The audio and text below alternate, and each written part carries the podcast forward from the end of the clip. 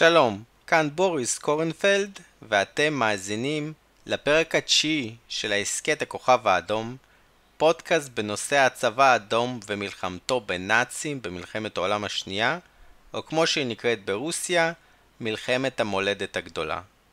בפרק זה אני ממשיך לספר על התוקפנות של המדינות הדיקטטוריות לפני פרוץ מלחמת העולם השנייה. בצ'כוסלובקיה, שנוצרה ב-1918 על חורבותיה של האימפריה האוסטרו-הונגרית, גרו כשלושה מיליון גרמנים, שהיו כ-23% מאוכלוסיית המדינה. רוב הגרמנים גרו במערב המדינה, באזורים הקרובים לגרמניה ולאוסטריה, במה שכונה חבל הסודטים, או סודטלנד. חבל הסודטים היה מתועש יותר ומוטה ייצוא, כך שעם פרוץ המשבר הכלכלי ב-1929, גרמנים רבים איבדו את עבודתם.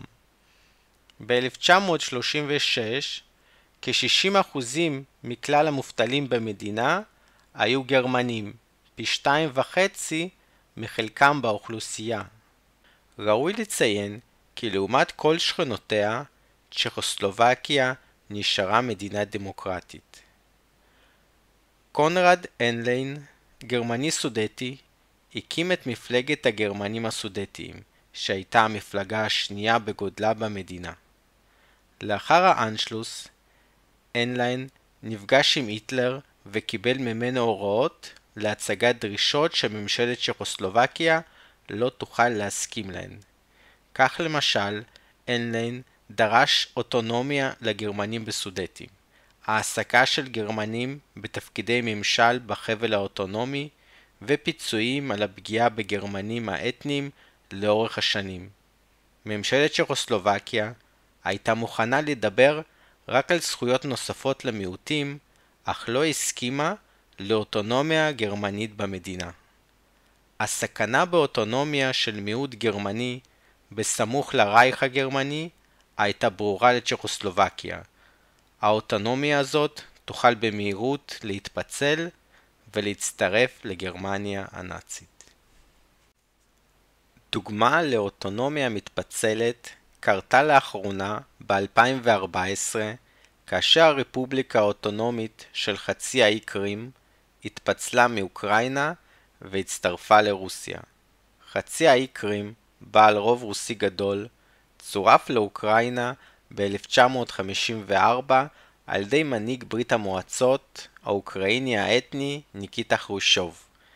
בינואר 1991, עוד לפני התפרקות ברית המועצות, במשאל עם, קרים הכריזה על עצמה כרפובליקה אוטונומית, וב-1992 הפרלמנט של חצי האי קרים הכריז על עצמאות בכפוף למשאל עם שלא התקיים בלחץ אוקראיני. במאה ה-21, כמו בשנות ה-30, המדינות מקיימות את התחייבויותיהן רק כאשר זה נוח להן. אף על פי שרוסיה, ארצות הברית ובריטניה התחייבו במזכר בודפשט מ-1994 לשמור על שלמות טריטוריאלית של אוקראינה תמורת הוויתור שלה על הנשק הגרעיני שלה, אף מדינה לא התערבה כאשר ב-2014 קרים ערכה משאל עם, הכריזה על עצמאותה ולאחר מכן ביקשה להסתפח לרוסיה. חזרה לשנות ה-30 בהוראתו של היטלר, אנליין, ראש מפלגת הגרמנים הסודטיים, תכנן להפוך את ה-22 במאי 1938 יום הבחירות בצ'כוסלובקיה, למשאל עם על היפרדות חבל הסודטים מצ'כוסלובקיה וצירופו לגרמניה הנאצית. על מנת למנוע את ניסיון ההפיכה הגרמני, צ'כוסלובקיה החלה בגיוס מילואים והכניסה את הצבא שלה לחבל הסודטים. ברית המועצות וצרפת, שהיו בעלי בריתה של צ'כוסלובקיה, הכריזו כי יגנו על המדינה אם זאת תותקף על ידי גרמניה הנאצית. צ'כוסלובקיה הייתה חלק מברית ההסכמה הקטנה, על פיה צ'כוסלובקיה, רומניה ויוגוסלביה היו מחויבות לסייע זו לזו במקרה שהן יותקפו. בנוסף לכך, לצ'כוסלובקיה הייתה ברית צבאית עם צרפת מ-1924 וברית צבאית עם ברית המועצות מ-1935. ברית המועצות אף ניסתה לארגן התייעצות בין נציגי הצבאות, אך בריטניה, צרפת וצ'כוסלובקיה דחו את ההצעה הרוסית. אפילו איטליה, בעלת בריתה של גרמניה, הביעה התנגדות לניסיון הגרמני לפתור את הסכסוך בכוח. כזכור, לאיטליה היה וישנו היום את חבל דרום טירול בעל הרוב הגרמני. המשבר נדחה לעת עתה, והצדדים חזרו לשולחן המשא ומתן. על מנת להוריד את הסיכוי שהצבא האדום יעזור לצ'כוסלובקיה במקרה של פלישה גרמנית, ביוני 1938 היטלר, דרך הנספח הצבאי של יפן בברלין, פנה לממשלת יפן וביקש להעלות את המתיחות בגבול ברית המועצות יפן. היפנים נענו לבקשת בעלי בריתם מהסכם האנטי קומנטרן. ביולי ובאוגוסט 1938 התחוללו קרבות בין ברית המועצות ליפן סביב האגם חסן. אני ממליץ לכם לשמוע את הפרק הראשון של ההסכת על הקרב הזה. בינתיים, הגרמנים הציעו לפולין ולהונגריה להשתתף עמם בחלוקת צ'כוסלובקיה. מסיבה זו, ומחשש מפני ברית המועצות, הפולנים הכריזו כי לא יאפשרו לצבא האדום לעבור בשטחי פולין לצורך הגנה על צ'כוסלובקיה. גם רומניה, לה היה סכסוך טריטוריאלי עם ברית המועצות על בסרביה, סירבה למעבר הכוחות היבשתי בין ברית המועצות לצ'כוסלובקיה. אם כי היא הודיעה כי לא תתנגד למעבר הכוחות בשמי המדינה. ב-7 בספטמבר, לאחר תקריות אלימות בין המורדים הגרמנים בסודטים לבין הצבא הצ'כוסלובקי, אנליין הפסיק את השיחות עם הממשלה בפראג. ב-11 בספטמבר, בריטניה וצרפת הודיעו כי יתמכו בצ'כוסלובקיה במקרה של מלחמה, אך הן מוכנות לתת לגרמניה כל מה שהיא תרצה אם המלחמה תימנע. למחרת, ב-12 בספטמבר, היטלר הודיע כי הוא מעוניין בשלום עם בריטניה וצרפת, אך לא יסבול את ההתעמרות בגרמנים הסודטיים. ב-13 בספטמבר פרץ מרד גרמני בחבל הסודטים והצבא הצ'כוסלובקי נכנס לחבל. אנליין דרש את יציאת הצבא מהמחוז ואת העברת השליטה במחוז לגרמנים המקומיים. השגריר הבריטי בגרמניה שלח לממשלתו הודעה כי גרמניה תתחיל במלחמה אם התביעות הגרמניות לא תעננה בחיוב. למחרת, ב-14 בספטמבר, ראש ממשלת בריטניה, צ'מברלן, הודיע במברק כי הוא מוכן להיפגש עם היטלר למען הצלת השלום. היטלר הסכים לפגישה וצ'מברלן טס לגרמניה. ב-15 בספטמבר היטלר נפגש עם צ'מברלן. בפגישה היטלר אמר כי המלחמה יכולה להימנע אם בריטניה תסכים להעברת חבל הסודטים לגרמניה. צ'מברלן הסכים לכך. בעקבות המתיחות הגבוהה, בנש, הנשיא הצ'כוסלובקי, הסכים למסור כ-6,000 קילומטרים ריבועים לגרמניה הנאצית בתמורה לכך שגרמניה תקלוט עוד כמיליון וחצי עד שני מיליון גרמנים משטחים שיישארו בצ'כוסלובקיה. כמו כן, על גרמניה היה להכיר בסיום הסכסוך ולהכיר בגבולותיה החדשים של צ'כוסלובקיה. באותו היום, הצבא הצ'כוסלובקי דיכא את המרד הגרמני בסודטים, ומנהיג המורדים אנליין ברח לגרמניה. למחרת, ב-16 בספטמבר, ראש ממשלת צרפת, אדוארד דלדיה, נועד בלונדון עם ראש ממשלת בריטניה צ'מברלן ודן עמו במצב העניינים בצ'כוסלובקיה.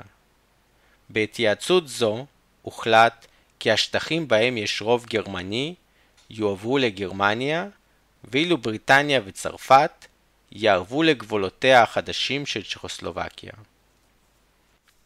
ב-17 בספטמבר ארגון צבאי של גרמנים צ'כוסלובקים, שאומן וחומש על ידי היטלר, החל לבצע פעולות טרור כנגד הצ'כוסלובקים. כמאה צ'כוסלובקים נרצחו, מאות נפצעו וכאלפיים איש נחטפו לגרמניה על ידי הארגון. מאוחר יותר, הנשיא הצ'כוסלובקיה הגולה, בנש, יגדיר את ה-17 בספטמבר כיום תחילת המלחמה הלא מוכרזת של גרמניה הנאצית כנגד צ'כוסלובקיה. בנש פנה גם לשגריר הסובייטי בפראג וקיבל ממנו הבטחה כי ברית המועצות תקיים את חלקה בהסכם פריס ותגן על צ'כוסלובקיה. מעבר לכך, ברית המועצות הבטיחה כי תגן על צ'כוסלובקיה גם אם צרפת לא תבצע את חלקה בהסכם ותסרב להגן על צ'כוסלובקיה, וגם אם פולין ורומניה יסרבו לאפשר לצבא האדום לעבור בשטחן. לסטלין היו רק שתי דרישות מצ'כוסלובקיה. הראשונה, שצ'כוסלובקיה תוציא בקשה רשמית אל ברית המועצות לסיוע. והשנייה, שצ'כוסלובקיה בעצמה תתנגד לפלישה הגרמנית לשטחה. בלחץ בריטניה וצרפת, צ'כוסלובקיה סירבה להצעה הסובייטית. בנוסף לכך, גם האליטה הצ'כוסלובקית התנגדה לעזרה הסובייטית. אשרי צ'כוסלובקיה פחדו שהצבא האדום יגרום למהפכה קומוניסטית במדינה, שבעקבותיה הם יאבדו את רכושם, כפי שקרה לאליטה ברוסיה לאחר מהפכת אוקטובר. ב-20 בספטמבר התכנסו מתנגדי המשטר הנאצי מקרב הקצונה הבכירה בגרמניה והתייעצו בדבר ההכנות האחרונות להפיכה צבאית נגד היטלר. מתכנן ההפיכה היה אנס אוסטר, סגן ראש אבוור, המודיעין הצבאי של גרמניה הנאצית. בין הקושרים היו גנרל אוברסט לודוויג בק, הרמטכ"ל הגרמני לשעבר, שהתפטר שלוש שבועות קודם לכן, אדמירל וילהלם קנאריס, ראש אבווהר וגנרלים נוספים. הקצינים האמינו כי הפלישה לצ'כוסלובקיה תגרום למלחמה שתחריב את גרמניה. לפי התוכנית, יחידת סער הייתה אמורה להסתער על הקנצלריה של הרייך ולעצור את היטלר שישב בה. לאחר מכן, הקושרים היו אמורים לנטרל את מנגנון המפלגה הנאצית ולמנוע את הפלישה לצ'כוסלובקיה. לצורך הצלחת ההפיכה, הקושרים יצאו קשר עם בריטניה וביקשו מהם לא להיענות לדרישותיו של היטלר. לא ברור אם ההפיכה הזו הייתה יכולה להצליח, אך בכל אופן צ'מברלן לא נענה לבקשת הקצינים. צ'מברלן החליט לא להתערב בענייני הפנים של גרמניה הנאצית. צ'מברלן ידע כי לאור ההתחמשות הגרמנית, המלחמה היא בלתי נמנעת, אך סבר שפניו של היטלר, בהתאם לאידיאולוגיה הנאצית, הם לעבר מלחמה כנגד אויבתם ברית המועצות, ולא נגד הבריטים אותם היטלר ראה כארים ובעלי ברית פוטנציאליים. באותו הזמן כאמור, סטלין והיטלר כבר נלחמו זה נגד זה על אדמת ספרד, בעזרת הציוד והמתנדבים שהם שלחו לצדדים בהם תמכו במלחמת האזרחים בספרד. הפיכות צבאיות לא היו דבר נדיר לא בעבר ולא בהווה. בזמן שאני עבדתי על הפרק, בוצעה הפיכה צבאית במיינמר. בפרק החמישי סיפרתי על ההפיכה הצבאית שביצע יוזף פילסוצקי בפולין. ניסיון ההפיכה הצבאית על ידי גנרלים בראשותו של פרנקו בספרד הפך למלחמת אזרחים עקובה מדם. ייתכן כי סטלין אפילו ידע על רצון הגנרלים לבצע הפיכה בגרמניה. לברית המועצות הייתה רשת ריגול בבריטניה, שמכונה היום רשת קיימברידג' או חמישיית קיימברידג'. אנשי הרשת, שאהדו את ברית המועצות ואת הקומוניזם, גויסו בזמן היותם סטודנטים או מרצים באוניברסיטת קיימברידג'. ארבעה מהם, עליהם ידוע היום, הגיעו לתפקידים מאוד בכירים במודיעין ובשירות החוץ הבריטי, והעבירו לברית המועצות את הסודות הכמוסים ביותר של בריטניה. מי שגייס את הסוכנים היה היהודי ארנולד דויטש, יליד וינה. לצורך כיסוי עבודתו כסוכן, דויטש התקבל ללימודי פסיכולוגיה בקיימברידג' ואפילו קיבל את תואר דוקטור מטעם האוניברסיטה לפני ששב לברית המועצות. ב-1942 דויטש היה בדרכו למשימת ריגול בארגנטינה, אך הספינה שהיה עליה טובה על ידי ספינת מלחמה גרמנית. גם סטלין עצמו פחד שהגנרלים של הצבא האדום ינסו לבצע הפיכה דומה לזו שהתרחשה בפולין, בספרד או תוכננה בגרמניה. לסטלין, איש הפלדה הגרוזיני, היו אויבים רבים. למעשה, במפלגה הקומוניסטית בשנות ה-30 היה פיצול משמעותי בין סטלין לבין לאון טרוצקי. לאון טרוצקי, שר הביטחון היהודי מתקופת מלחמת האזרחים ברוסיה, דגל בייצוא המהפכה הקומוניסטית למדינות הקפיטליסטיות, ואילו סטלין האמין בקומוניזם במדינה אחת שמדינות אחרות ירצו לאמץ. כבר ב-1929 טרוצקי הוגלה מברית המועצות, אך כל הזמן הזה הוא המשיך להוות סכנה לשלטונו של סטלין בשל קשריו הטובים עם קצינים בכירים עוד מתקופת מלחמת האזרחים. על מנת לשמור על שלטונו, בין 1937 ל-1938 סטלין ביצע תיאורים נרחבים בצבא האדום, במפלגה הקומוניסטית ובתעשייה. סך הכל, בשנתיים האלה נעצרו כמעט מיליון וחצי אנשים מתוך 150 מיליון אזרחי ברית המועצות. כמחציתם הוצאו להורג. מעל ל-20 אלף קצינים הודחו מתפקידם, חלקם נכלאו והוצאו להורג. כ-500 קצינים בכירים נכלאו או הוצאו להורג עד 1941. גם מפקדו של דויטש, היהודי אברהם סלוצקי, לא שרד את תקופת התיאורים. בתחילת שנות ה-30 סלוצקי שהה במערב אירופה ובארצות הברית לצורך גיוס סוכנים וניהול מבצעים חשאיים של ה-NKVD. ב-1935 סלוצקי קודם לתפקיד מנהל האגף לביון חוץ ב-NKVD. סלוצקי היה אחד החוקרים הראשיים בפרשה שהובילה למשפט מוסקבה הראשון ולהוצאותם להורג של גריגורי זינובייב ולב קמנייב באוגוסט 1936. שני אלה היו יהודים מבכירי המפלגה הבולשיביקית. בספטמבר 1936 ראש ה-NKVD, היהודי גנריך יגודה, הוחלף בניקולאי יז'וב. סיפרתי לכם על שני אלה כבר בפרק הראשון של ההסכת. יחד עם יגודה הועברו מתפקידם ראשי אגפים רבים. בהמשך, רובם נאסרו, נשפטו והוצאו להורג. לעומתם, סלוצקי נשאר בתפקידו, למרות שהיה מקורב ליגודה, ולמרות שחלק מעמיתיו העידו נגדו. יז'וב, ראש ה-NKVD החדש, חשש כי מעצרו של סלוצקי יכול לגרום לסוכניו במערב לערוק.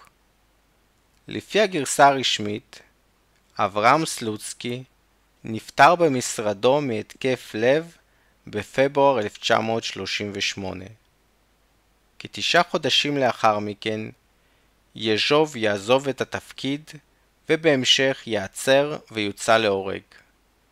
דרך אגב, אמנם יז'וב עצמו לא היה יהודי, אך הוא היה נשוי ליהודייה יבגניה יז'ובה, שהייתה פיינברג לפני הנישואים. יז'ובה הייתה למעשה העורכת הראשית של הירחון ברית המועצות בבנייה, שכלל חדשות ותעמולה, והיה מיועד לחוץ לארץ. בנוסף לשפה הרוסית, הירחון יצא גם באנגלית, צרפתית, גרמנית וספרדית. לאחר שבעלה נעצר, יבגניה כנראה התאבדה בשתיית רעל. למה כנראה? ברור כי יז'ובה מתה מרעל, אך כאשר מדובר בבכירי מודיעין או באשת ראש השירות החשאי, ייתכן ולעולם לא נדע אם נרצחו, התאבדו או מתו מסיבות טבעיות. לכן יז'ובה כנראה התאבדה, וסלוצקי כנראה מת מהתקף לב. ב-21 בספטמבר 1938, פולין הגישה אולטימטום רשמי לצ'כוסלובקיה בדרישה להעביר לידיה את חבל טשין, או זאולזיה בפולנית, שבו גרו 80 אלף פולנים ו-120 אלף צ'כים. לפולין וצ'כוסלובקיה היה ריב על החבל עוד מ-1918.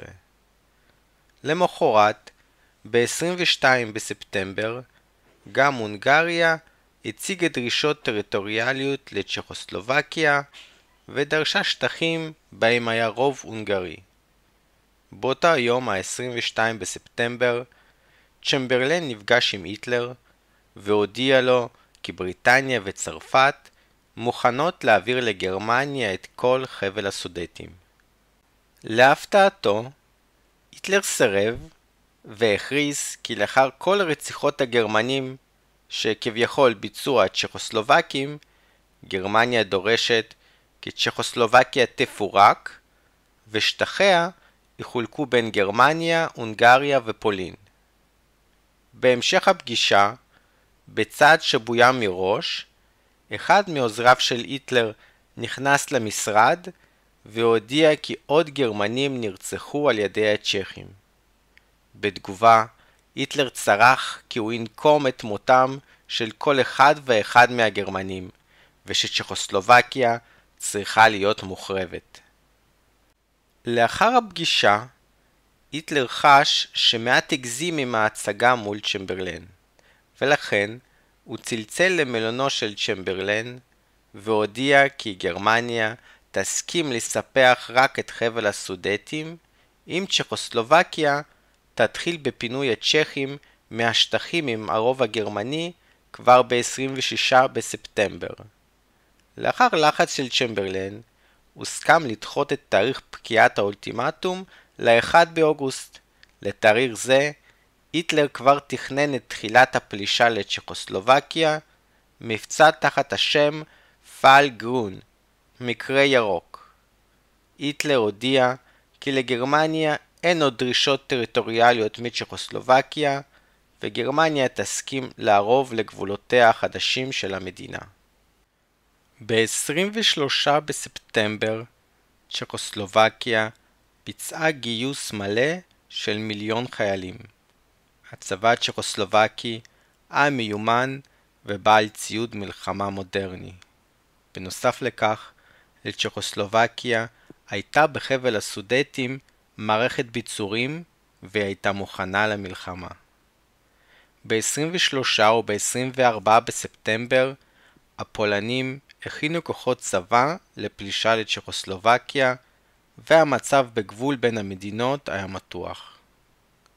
הפולנים יצרו מיליציה של מתנדבים בשם לגיון זאולזיה, שחצו את הגבול ותקפו יחידות צ'כוסלובקיות. כוחות הצבא הצ'כוסלובקי עטפו את התוקפים בחזרה לפולין. ברית המועצות הזהירה כי כל ניסיון של פולין לפלוש לצ'קוסלובקיה, יבטל את הסכם אי ההתקפה בין שתי המדינות. ברית המועצות גייסה מילואים וריכזה בגבולה המערבי מעל ל-300 אלף חיילים. סך כל כוחות הצבא האדום במערב ברית המועצות הגיע למיליון חיילים. ברית המועצות לא יכלה באמת לעזור לצ'כוסלובקיה ללא עזרת צרפת. הרי אם ברית המועצות הייתה פולשת לפולין עם 300 אלף החיילים שהיא ריכזה על גבול פולין, צרפת, בעלת בריתה של פולין, הייתה מכריזה מלחמה על ברית המועצות. לגרמניה לבדה היו מעל לשני מיליון חיילים מול מיליון חיילים צ'כוסלובקים. סך כל גודלו של הצבא האדום ב-1938 היה 1.6 מיליון חיילים, כולל את הכוחות שהוצבו על גבולה המזרחי מול יפן. כזכור, הקרב באגם חסן נגד הצבא היפני הסתיים רק חודש לפני כן, באוגוסט 1938. גם ללא הצבא הפולני הגדול וללא התערבות צרפת, לגרמנים היה צבא גדול ואיכותי יותר מהצבא האדום, כך שברית המועצות לא הייתה יכולה בפועל למנוע את כיבושה של צ'כוסלובקיה. וכאן אני גם מתעלם מהצבא ההונגרי, שהיה אמור לפלוש לצ'כוסלובקיה, ומהצבא הרומני, שהיה יכול להצטרף למלחמה נגד ברית המועצות בהזדמנות זו. הצעת העזרה לצ'כוסלובקיה היה צעד של תעמולה, ונועד ללחוץ על צרפת ובריטניה לעזור לצ'כוסלובקיה וליצור מנגנון של ביטחון קיבוצי יחד עם ברית המועצות כנגד גרמניה הנאצית, אויבתה.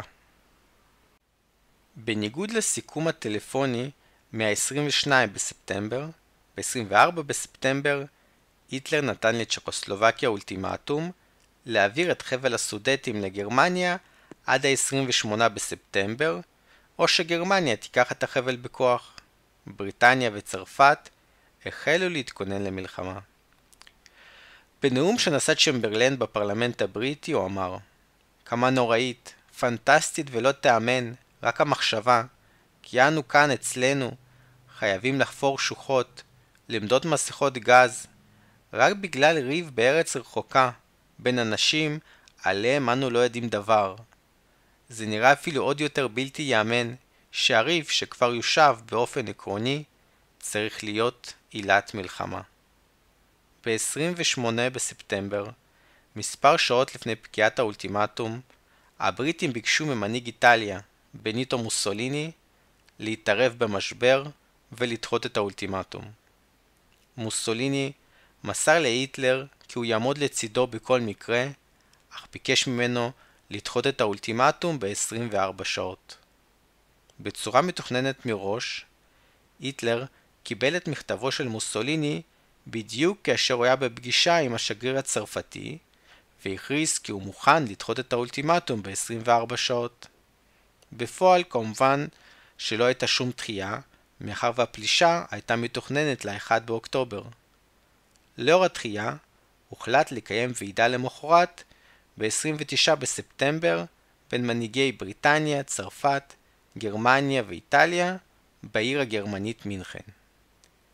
גם רוזוולט, נשיא ארצות הברית, בירך את צ'מברלן על ההצלחה בכינוס הוועידה. היטלר רק התעקש כי מוסוליני יוזמן לוועידה, ולא לחינם. משרד החוץ הגרמני כבר כתב את ההסכם הרצוי לגרמניה באיטלקית והעבירו למוסוליני.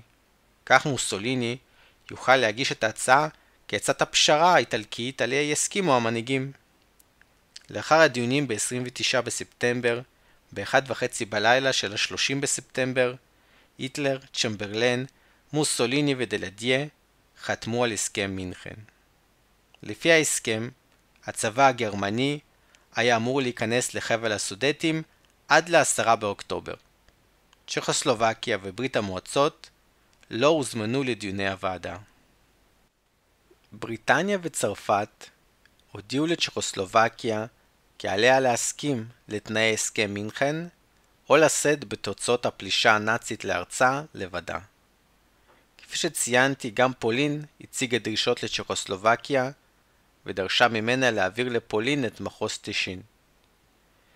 עם היוודע על חתימת הסכם מינכן ב-30 בספטמבר, פולין הציגה לצ'כוסלובקיה אולטימטום נוסף ודרשה להעביר אליה את מחוז טישין, אחרת הצבא הפולני יפלוש לחבל. בבוקר ה-30 בספטמבר, נשיא צ'כוסלובקיה בנש קיבל את התנאים של הסכם מינכן. תחילה, בנש חשב להתנגד, אך לדבריו, האולטימטום הפולני והחשש מפלישה גרמנית פולנית בו זמנית אילצו אותו לחתום על ויתור על חבל הסודטים לטובת גרמניה הנאצית. בלית ברירה, צ'כוסלובקיה נהנתה גם לאולטימטום הפולני ואפשרה לפולין להשתלט על חבל טישין. מבחינת פולין, צ'כוסלובקיה הייתה בתהליך התפרקות והם רצו להגן על 80 אלף הפולנים שגרו בחבל, בנוסף לעוד 120 אלף שכניהם הצ'כים. באותו היום, ביוזמת ראש ממשלת בריטניה, היטלר וצ'מברלן חתמו על הסכם לאי התקפה הדדי בין בריטניה לגרמניה. כאשר נביל צ'מברלן חזר במטוסו ללונדון, ליד מדרגות המטוס הוא נופף בהסכם לאי התקפה שחתם עם היטלר והכריז הבאתי שלום לזמננו.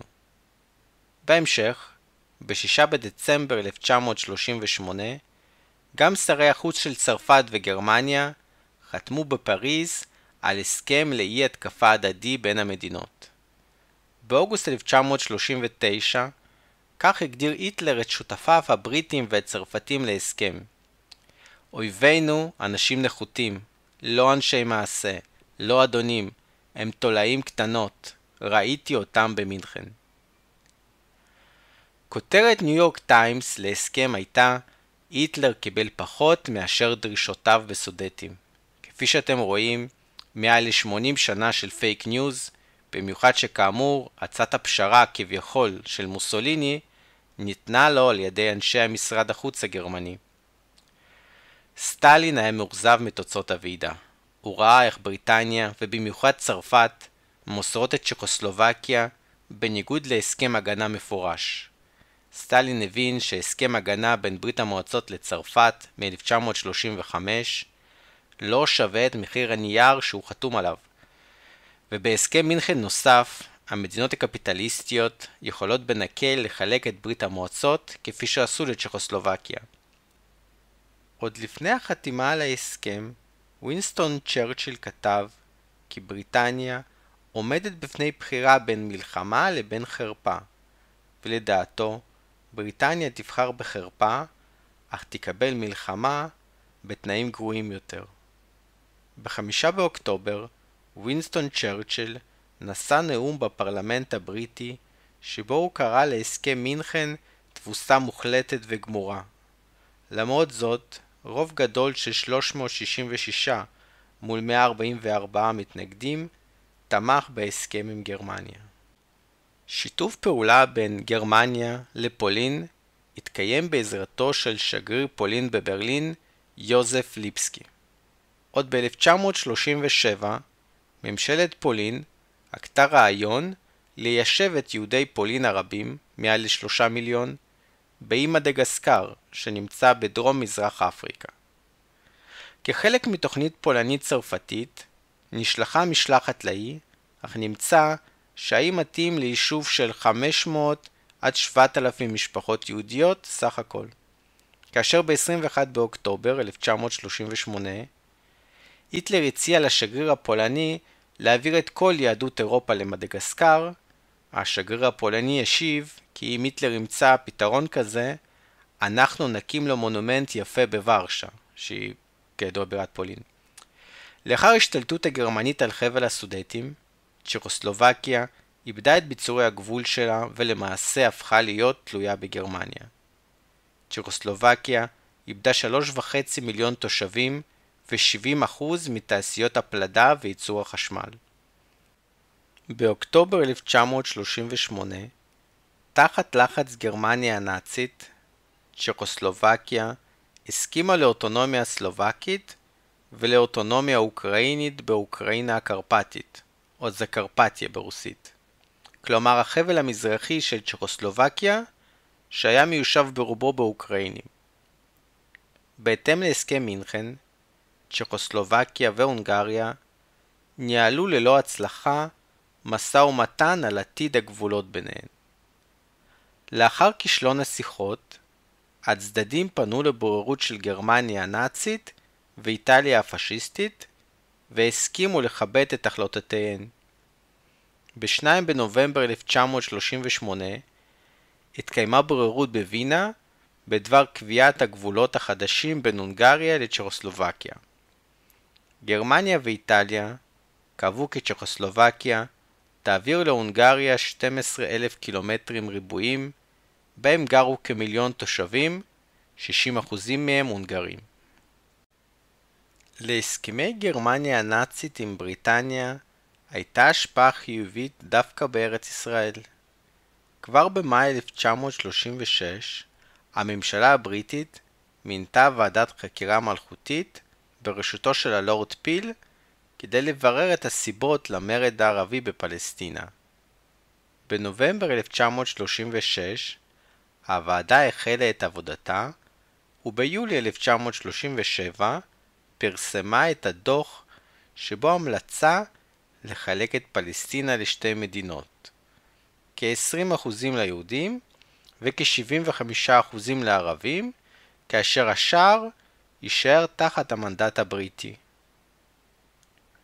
לאחר פרסום דוח הוועדה, תומכי האיסטקלל ותומכי אל-חוסייני חידשו את המרד כנגד הבריטים והיהודים. בספטמבר 1937, אנשי הכנופיות הערביות רצחו את מושל הגליל לואיס אנדרוס. בעקבות הרצח, הבריטים פיזרו את הוועד הערבי העליון. אחדים מאנשי הוועד נעצרו ונשלחו לאיי סיישל, אך אל-חוסייני הצליח להתחבא בהר הבית, ולאחר מכן ברח מן הארץ. עם בריחתו של המופתי לשעבר, החל שלב אלים נוסף במרד שתוכנן על ידו מראש. הכנופיות הערביות תקפו רכבות, אוטובוסים יהודיים, קווי טלפון, צינורות נפט ומתקנים צבאיים בריטיים. הדבר גרם למעשי תגמול מצד היהודים כנגד האוכלוסייה הערבית.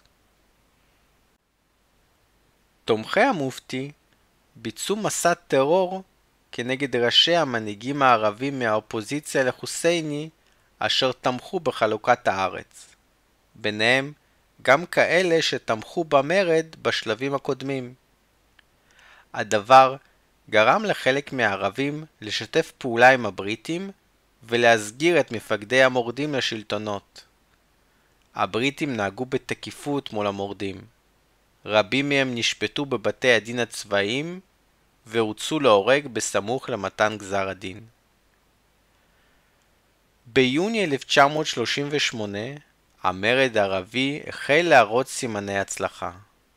המורדים השתלטו על חלק מאזור ההר, שכלל כפרים וערים רבות. הדבר קרה מאחר והצבא הבריטי נמנע מלהיכנס לאזור ההר, והשתמש אך ורק בהפצצות חיל האוויר. המורדים הערבים יצאו לפשיטות על יישובים יהודים ורצחו יהודים בדרכים ובשדות.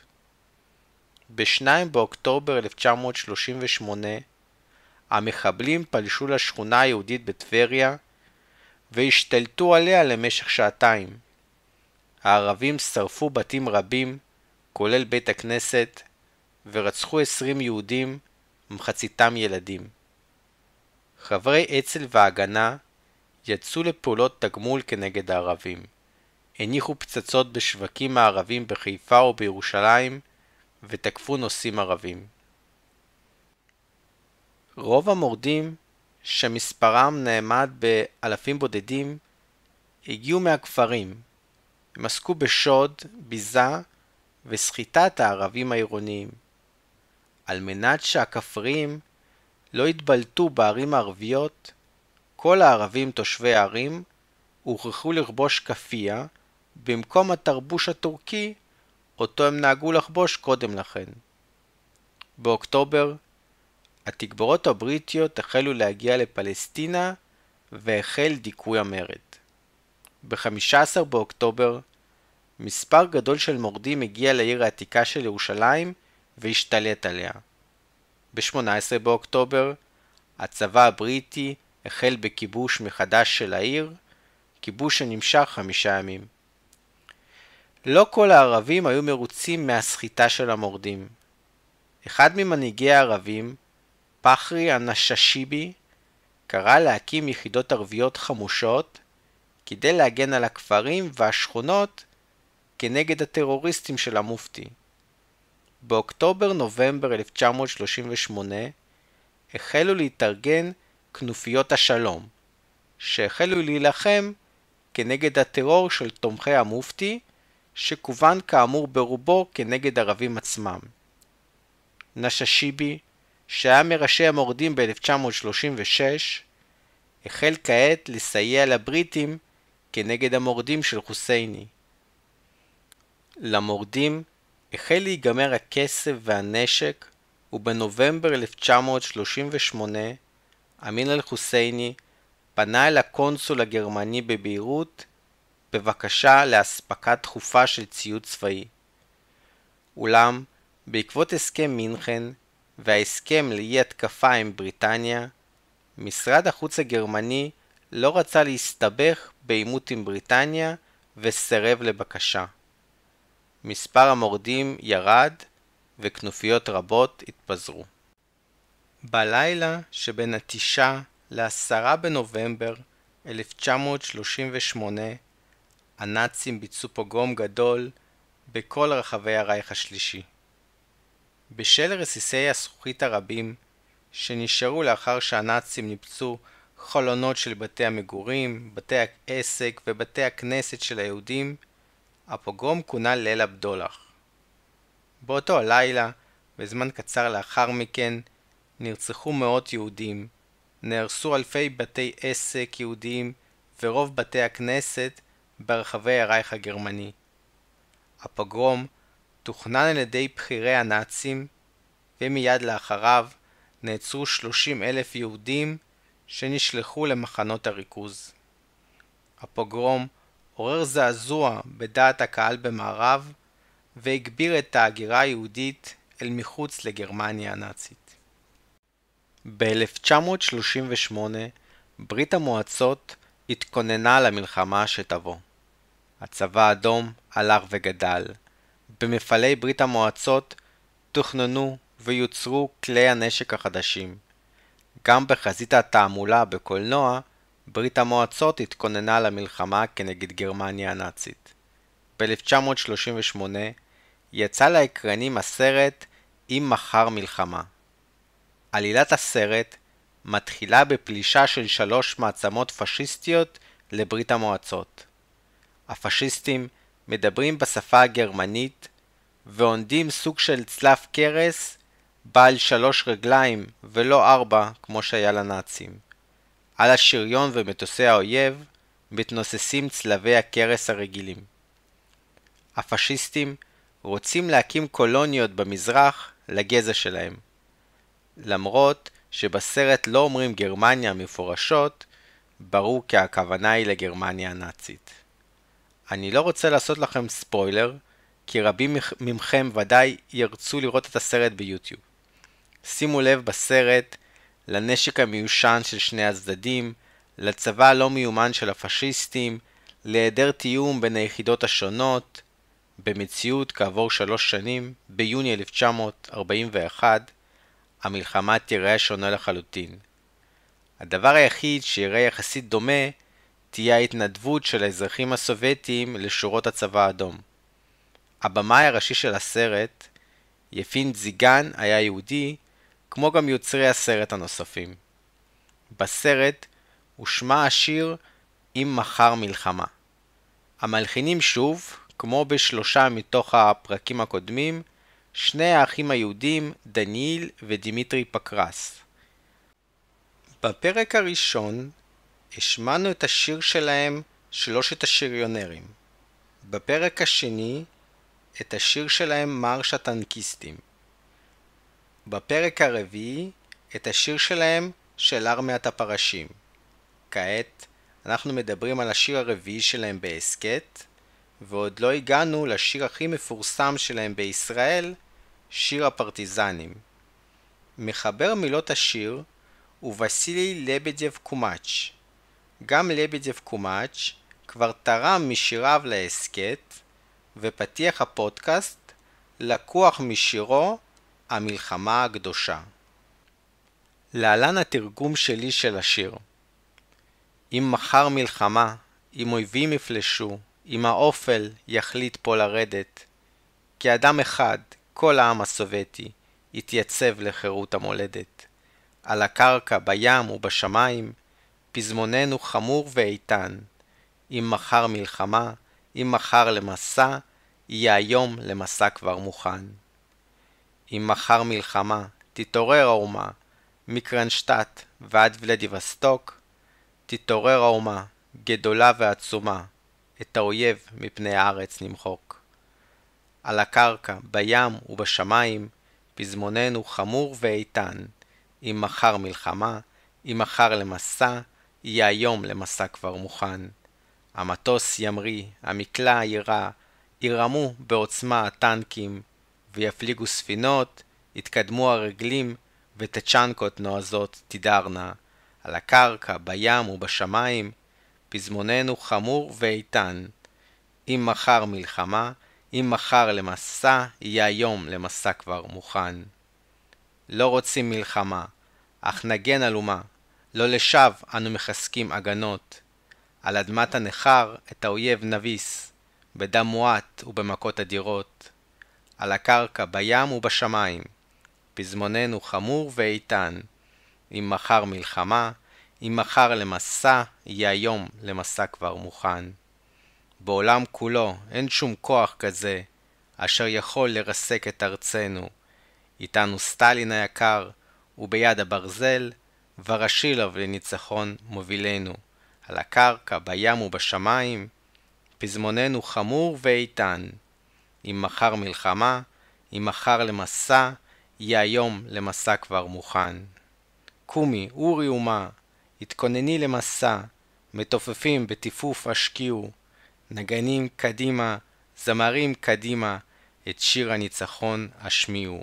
על הקרקע, בים ובשמיים, פזמוננו חמור ואיתן. אם מחר מלחמה, אם מחר למסע, יהיה היום למסע כבר מוכן. בארץ לשיר יצאו מספר תרגומים ויש כמה ביצועים של השיר באתר זמר רשת.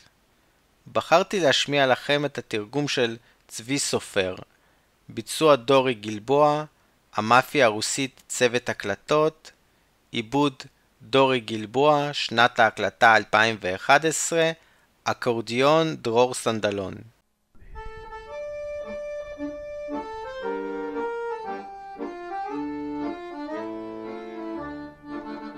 כי תבוא מלחמה, יתנפל האויב, כוח אופל אכזר יתקיפנו.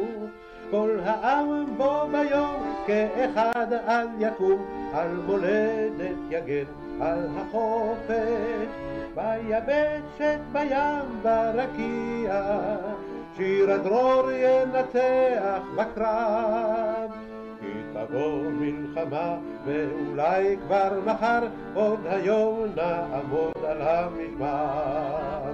כי תבוא מלחמה, ואולי כבר מחר, עוד היום נעמוד על המשמר.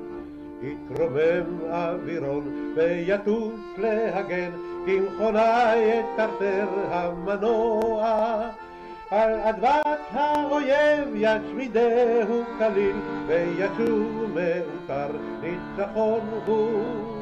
ביבשת, בים, ברקיע, שיר חדרור ינצח בקרב. כי תבוא מלחמה, ואולי כבר מחר, עוד היום נעמוד על המשמר. תבוא מלחמה, ואולי כבר מחר, עוד היום נעמוד על המשמר. יתעורר קום העם, ובעוז לרחובות, ותופי השחרור יתופפו. יתקדו חצקרות, שירו שיר השרים, והשמיעו שירת ניצחוננו, ביבשת בים ברקיע, שיר הדרור ינצח בקרב, כי תבוא מלחמה ואולי כבר מחר עוד היום נעמוד על המשמר. כי תבוא מלחמה ואולי כבר מחר עוד היום. אנחנו נפרדים כאן עד לפרק הבא, ואתם מוזמנים לשמוע את השיר "אם מחר מלחמה" ברוסית, מתוך הסרט "אם מחר מלחמה". Letraut.